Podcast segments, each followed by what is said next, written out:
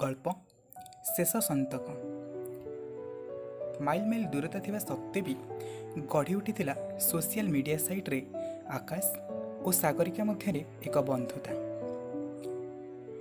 ସେହି ବନ୍ଧୁତାକୁ ପ୍ରେମର ନାମ ଦେବାରେ ବେଶୀ ସମୟ ଲାଗିନଥିଲା ଦୁହିଁଙ୍କୁ। ଧୀରେ ଧୀରେ ଏହି ବନ୍ଧୁତା ସମୟ ସାଥିରେ ନିଜକୁ ପ୍ରେମର ରଙ୍ଗରେ ରଙ୍ଗେଇ ନେଇ ସାରିଥିଲା।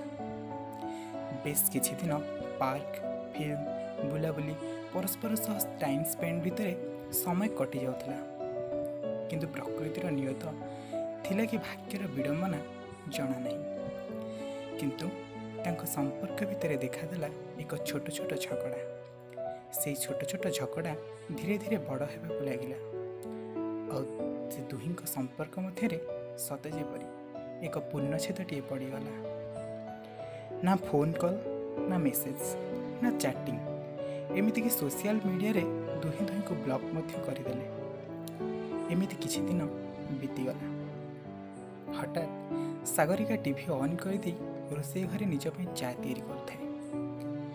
ଟିଭିରେ ଗୀତଟିଏ ବାଜିଲା। ମେହଫିଲ ମେ ତେରି କେହିତେ କିସି ସେ? ଏ ଗୀତଟିକୁ ଶୁଣିବା ମାତ୍ରେ ହିଁ ସାଗରିକା ମନରେ ଏକ ସିଂହରଣଟିଏ ଖେଳେଇ ଦେଲା। ସେ ବାଧ୍ୟ ହୋଇଗଲା। ପୁରୁଣା ଦିନଗୁଡ଼ିକୁ ପୁଣି ଥରେ ମନେ ପକାଇବା ପାଇଁ। ତାର ମନେ ପଡ଼ିଗଲା କେମିତି ଆକାଶ ଏ ଗୀତଟିକୁ ସବୁବେଳେ ତା ପାଇଁ ଗାଉଥିଲା। ଆଉ ସେ ଲାଜେଇ ଯାଉଥିଲା। ଗ୍ୟାସ୍କୁ ଅଫ୍ କରି ଧାଇଁଗଲା ବେଡ଼ରୁମ୍ ଭିତରକୁ। ଆକାଶ ଦେଇଥିବା ସେଇ ପ୍ରେମପତ୍ରଟିକୁ ଟିକେ ଦେଖିବା ପାଇଁ ପଢ଼ିବା ପାଇଁ ଆଉ ଆକାଶର ଅନୁପସ୍ଥିତିରେ ବି ତା ଉପସ୍ଥିତିକୁ ଟିକେ ଅନୁଭବ କରିବା ପାଇଁ। ବହୁତ ଖୋଜିଲା ଡ୍ରୟାର ବେଡ୍ ପାଖ ପଢ଼ା ଟେବୁଲ ଏମିତିକି ଘରର କୋଣ ଅନୁକୋଣ କିନ୍ତୁ କିଛି ପାଇଲା ନାହିଁ ବୋଧେ ସେ ହଜାଇ ଦେଇଥିଲା ସେଇ ଦୁଇ ଫର୍ଦ୍ଦ ବିଶିଷ୍ଟ ଚିଠିଟାକୁ ବୋଧେ ସବୁଦିନ ପାଇଁ ଆକାଶଙ୍କ ପରି ସେ ସେଇ ଚିଠିଟିକୁ ମଧ୍ୟ ହଜାଇ ଦେଇ ସାରିଥିଲା ନିଜ ଜୀବନ